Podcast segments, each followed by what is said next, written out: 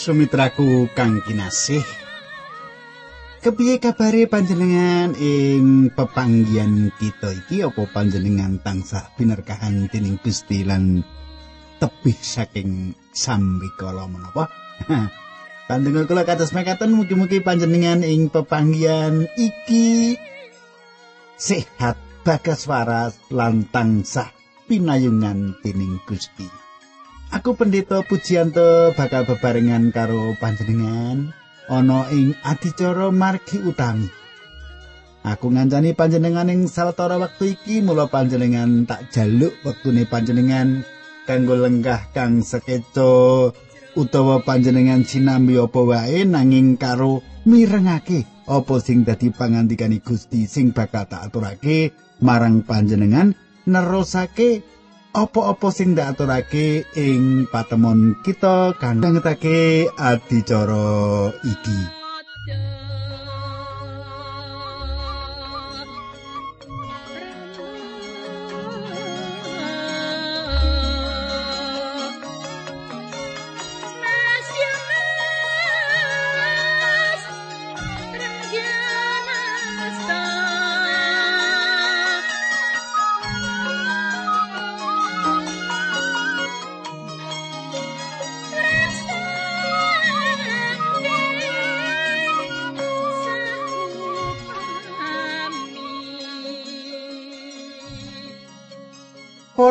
Pamirsa, giaran kepungkur luwih akeh maneh sing padha bisa kita deleng bab karya mukjizat karya pangiram-iram sing ngiram-iramke sing ditindakake dening Gusti Yesus. Lesus lan ombak ing telaga senalika sirep bareng didawi dening Gusti Yesus supaya sirep. Ngitapi-tapi, ngitapi-tapi banget luar biasa. Uga panjenengan marasake wong loro ing girasa sing kesurupan demit, uga panjenengane marasake wong lumpuh sing digotong dening kanca-kancane.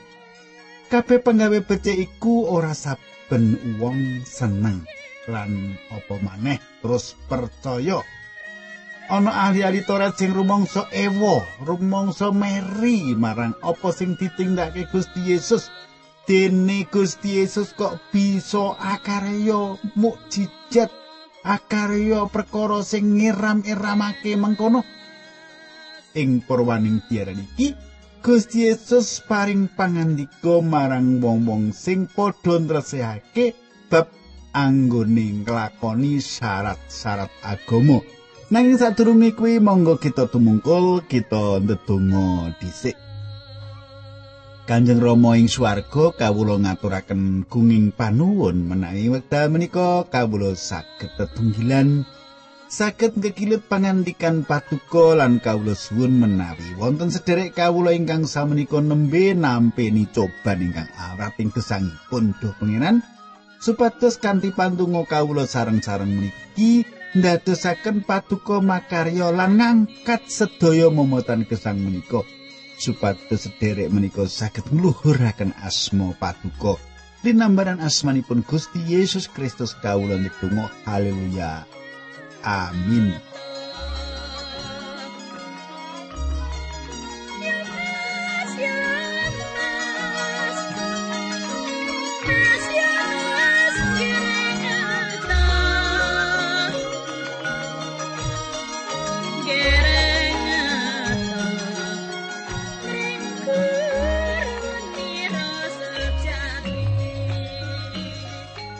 kadangku kang gak tresnani ing purwaning giaran iki tak baleni meneh. Gusti Yesus paring pangandika marang wong-wong sing padha nlesehake bab nglakoni syarat agama. Saiki panjenengan ngancik Matius pasal songo kepungkur wis tekan ayat 14 saiki ayat 15 Matius songo ayat 15 Pangandikane Gusti Yesus kepriye panemumu endi ana tamu ing pesta penganten kok prihatin? Yen pengantene lanang isih ana ing kono mesti ora. Nanging bakal ana mangsane penganten lanang lunga saka ing kono ing wektu iku para tamu mau bakal padha poso. Mengkono tulisane ing Matius ayat 15 bab 9 Kadangku, senadyan ing dinane iki kabeh padha ngerti apa gunane poso iku kanggone kita wong pracaya, wong Kristen, ora ana dawuh yen poso iku dadi bab sing wajib. Kanggone kita poso iku nuruti kepinginane ati kanggo supaya kita tansah cecedakan karo Gusti. Ninggalake karepotan pedinan manteng metekung kersane Gusti kanthi nyuwun sih kawelasan lan kasih pengasihani yen wong Kristen poso iku tujuane cecaketan karo Gusti Allah. Lan nyuwun sih kawelasan lan pengasihan Gusti banjur ngendika yen ana wawahan iku sing mauni minangka aturan sing ora bisa ditapik. Ing perjanjian anyar kabeh dilakoni alandesan nugroho utawa sih rahmat kang diparingake Gusti Yesus marang kita. Ayat 16 lan pitulas. Mengkene surasane pangandika ora ana wong nambal sandangan lawas nganggo bakal sing anyar. Awit tambalan kuwi bakal nyuwekake sandangan mau malah njalari suweke saya ombo. Mengkono uga ora ana wong sing nyimpen anggur anyar ana ing impes sing lawas sing digawe saka lulang merga yen mengkono impes mau mesti bedah. Anggure bakal wutah lan impes ora kena dinggo meneh. Anggur sing anyar kudu disimpen ing impes sing anyar uga supaya loro-lorone tetep apik.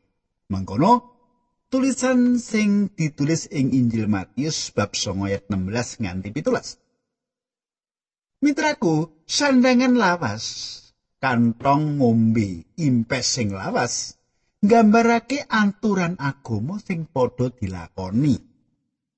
Nalika Gusti Yesus rawuh aturan agama sing ana mau wis ora kanggo patokan meneh panjenengane rawuh nyawisake sandangan anyar, impes anyar, kanthi lelahan marang manungsa mung kanthi pracaya banjur nampi sih rahmat utawa kanugrahan mau.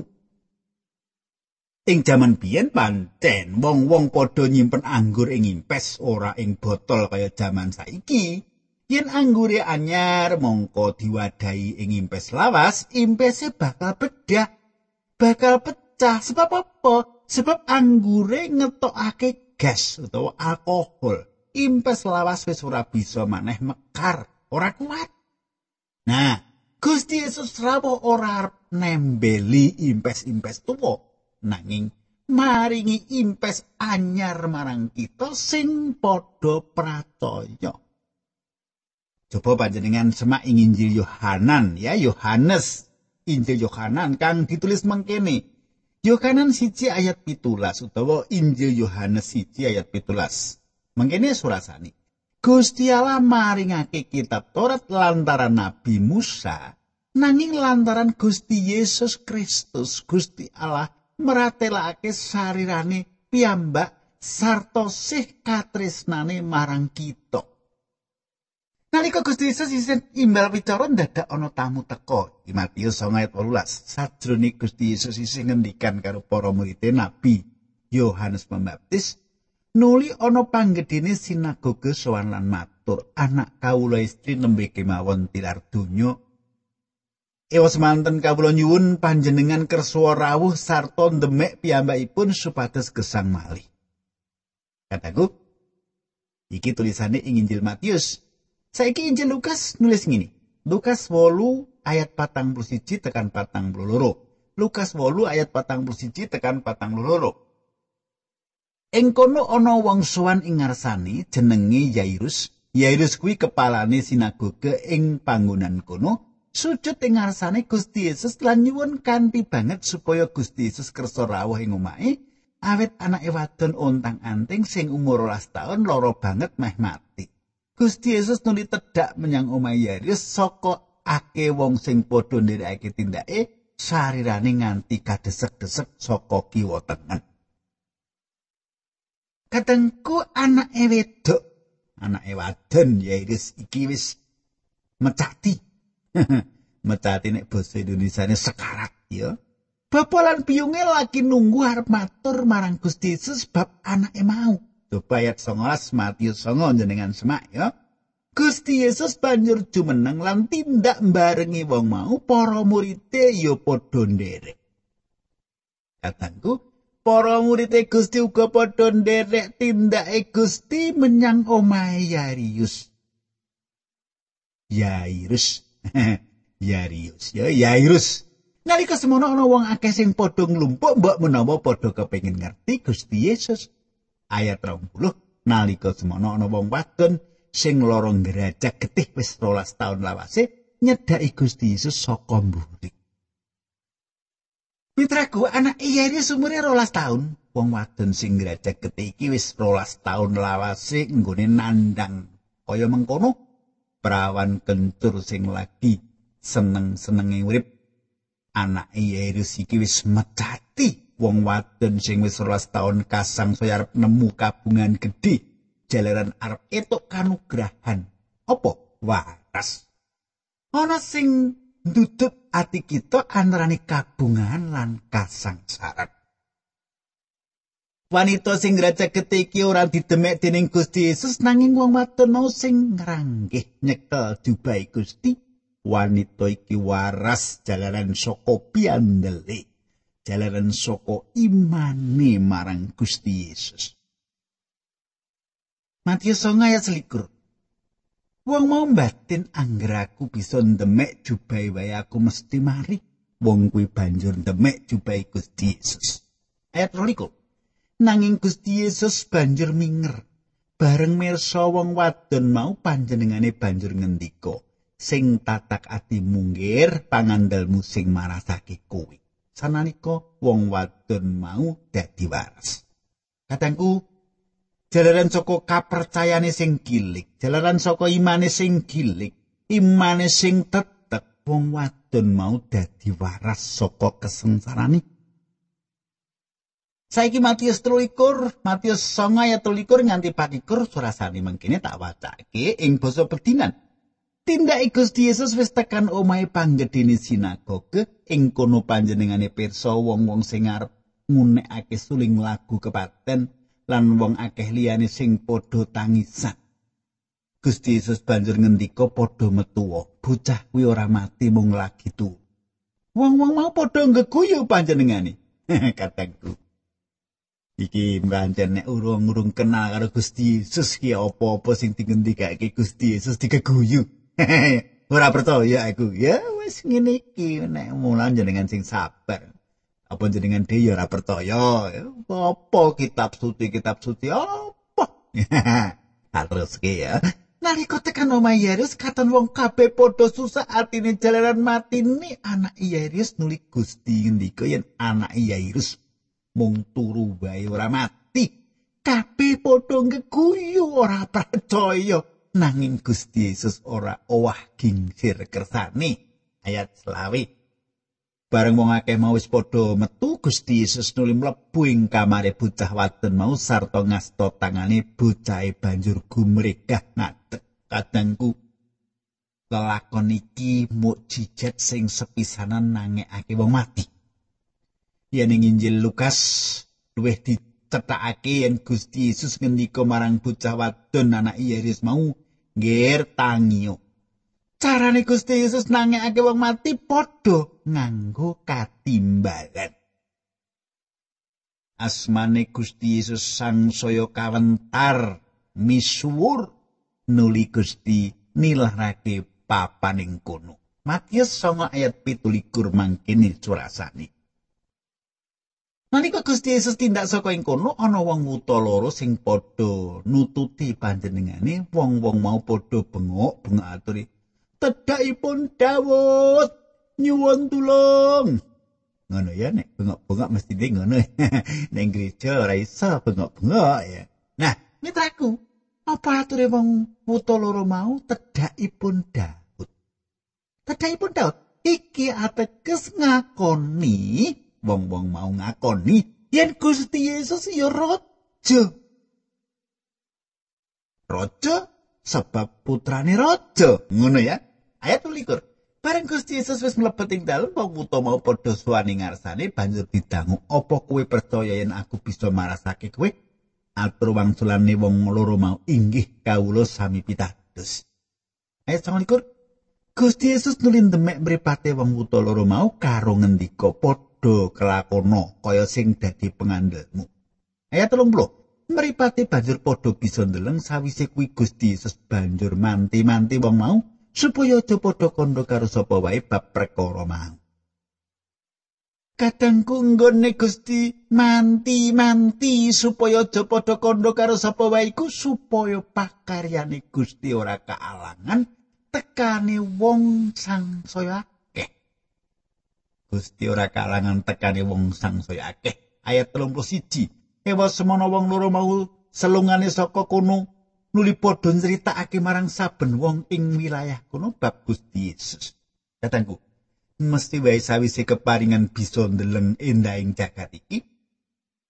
Wong-wong wuta sing padha melek iki banjur nyritakake marang sapa wae sing ditemoni. Nuli Gusti Yesus dipanggihake karo wong liyane sing kesurupan demit iki mujizat sing kaping 11 sing ditindakake. Matius 9 ayat 32 nganti 33 lan telung puluh papat sisan yo tak watake. Bareng wong wuta loro sing diwarasake mau wis lunga ana wong bisu kepanjingan demit disowanake ngarsane Gusti Yesus. Sawise demite ditundung dening Gusti Yesus, wong mau bisa caturan maneh, wong-wong sing padha ndeleng padha gumun. Kabeh ujare durung tawono lelakon sing mangken iki ing tanah Israel. Nanging wong-wong Farisi padha muni nggone nundung demit wirak mergo oleh pangwasa saka ratune para demit. Mangkono pangandikane Gusti, nakadangku, wong-wong Farisi padha ngakoni mukjizat sing ditindakake dening Gusti Yesus. Nanging wong-wong mau ngarani yen iku mau kabeh saka kekuatane rajane demit. Tumindak becik apa wae nek tumuju atine ora disenengi wis mesti salah. Ya ta? nek tumuju ora disenengi aduh nglakoni apik kaya ngopo ya wis kliru ae nulung ya ngono ya mestine kan nek nulung ya aja ngono kuwi ya dipaido terus. Gusti Yesus ngrasakake ngono dipaido terus saiki ayat 35. Gusti Yesus tumuli tindak ndrajai kutha-kutha lan desa-desa panjenengane memulang ing sinagoge-sinagoge sarta ngumumake bab dalaning keselamatan tumrap wong dosa supaya bisa dadi umat ing kratone Allah. Panjenengane ya marasake wong-wong sing padha nandang lara rupa-rupa lan sing awake padha cacat. Katenggo akeh aliran gereja sing padha rumangsa duwe kanugrahan marasake wong loro. Nganti akeh sing rada emosi ora setuju yen kuwi mung diparingake salah sijining aliran gereja wae. Nanging ana uga sing secara pribadi ngaku-ngaku yen duwe sih rahmat kanugrahan marasake wong sing lagi loro mau secara jujur ora kabeh mau bener. Ana sing apus-apus Matius 9 ayat 36. Coba tak baca iki. Mirsa wong akeh mau Gusti Yesus ternyuh banget pengelie mergo saka welas. Wong-wong mau katon yen kesel lan ora kopen kaya wedhus sing ora ana pangone. Ayat 37 Gusti Yesus banjur ngendika marang para murid sing kudu dineni akeh nanging wong sing drep mung setitik. Ayat 38 Mulane padha nyuwuna marang sing kagungan panen supaya kersa nambahi cacahe wong sing derep katengku. Senadyan kahanan ora kabeh nyetujoni apa sing ditindakake Gusti Yesus.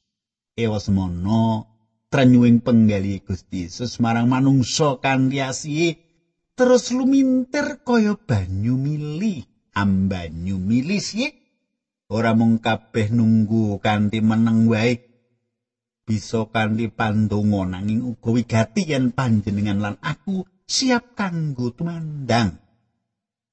Rantangan batin anyar tumrap uripe wong Yahudi wis ditedhahake kanthi gamblang dening Gusti Yesus diparingake kanthi lelahanan ing miraing kanugrahan Gusti para pandherek sing setya tubuh ora mung kawastanan murid nanging kasebut rasul utusane Gusti. Gusti Yesus nimbali para murid akeh paham sing kudu diadepi para murid kudu adur ajar. Mapanake kapitayan lan kapiandelan Kristen ing tengahing kapercayan liyane pancen saben murid Gusti Yesus kudu bisa dadi uyahing pasramungan ing ngendi wae wong percaya iku mapan. Gusti Yesus nimbali para murid coba panjenengan buka Matius 10 ayat 1 Ing sawijining dina Gusti Yesus ngempalake murid rolas, para murid mau padha diparingi panguwasa. Nundungi demit marasake saking leloro lan sarupaning cacat. Katengku peparingi panguwasa saka Gusti Yesus iki kaya dene layang kekancingan. Nek basane Indonesia SK. Surat keputusan kanggo apa kanggo ngluwari bangsa Yati saka jireting dosa. Sing ora bisa wae nganggo kapercayan apa wae kejaba mung ana ing Gusti Yesus. Jejibahan iki dudu jejibahan murid nanging jejibahane rasul. Dadi para murid wis nindakake pakaryane rasul lan mula kasebut para rasul. Cetha ya? Saiki Matius 10 ayat loro telu. Papat yo. Pirang-pirang ayat. Ya. Saya kita baca sing sabar. Mau diwaca kitab kok ngantuk ya. Aja ngantuk tak. Nggih. Nah Matius ayat loro. Jenenge rasul rolas kuwi Simon sing uga disebut Petrus lan Andreas sedulure Yakobus lan Yohanes loro-lorone anake Zebedius Filipus lan Bartolomeus karo Thomas Matius pegawai pajak Yakobus anake Alfius, Tadius. Simon sing diparapi patriot lan Judas Iskariot sing ngulungake Gusti Yesus. Katangku panjenengan gatekake jeneng-jenenge para murid mau ya. Cici Simon Petrus, loro Andreas, Yakobus anake Zebedius, telu ya. Papat Yohanes, limo Filipus, nem Bartolomeus, pitu Thomas, wolu Matius, songo Yakobus anake Alpeus 10 Tadius 11 Simon wong Selot lan rolas Yudas Iskariot. Dawi Gusti Yesus marang para rasul murid mau mengkini. Ayat 5 bab 10. Rasul rolas kuwi nuli diutus dening Gusti Yesus kanthi diweling mengkini aja padha nekani daerahe wong-wong kafir utawa sing ora nganut agama Yahudi lan aja mlebu ing kutha-kuthane wong Samaria. Ayat 6 nanging padha maranana wong Israel sing padha mursal. Ayat itu padha wulangen yen kratone Allah saiki wis diwiwiti. Ayat 8 wong loro padha warasno wong mati padha tangekno. Wong loro kusta padha marekno lan demit-demit padha tundungen kowe padha oleh panguwasa tanpa nganggo bayar apa-apa dadi panguwasa mau ya gunakno tanpa nganggo bayaran. Katengku timbalan. Dawuh lan pakaryane Gusti. Kabeh wis cetha kanggo enggal dilakoni kanthi panguwasa peparingi. Sumitraku. Semene dhisik atur giaran iki muga panjenengan kaberkahan lan kita ndedonga monggo kita tumungkul ndedonga Kanjeng Rama Swarga kawula matur nuwun menawi kawula saged sinau setunggal mboko setunggal ayat saking pangandikan Paduka Supados dados berkah kangge sedherek kawula menika lan linambaran asmanipun Gusti Yesus Kristus kawula ngaturaken gunging panuwun atas tuntunan paduka. Haleluya. Amin.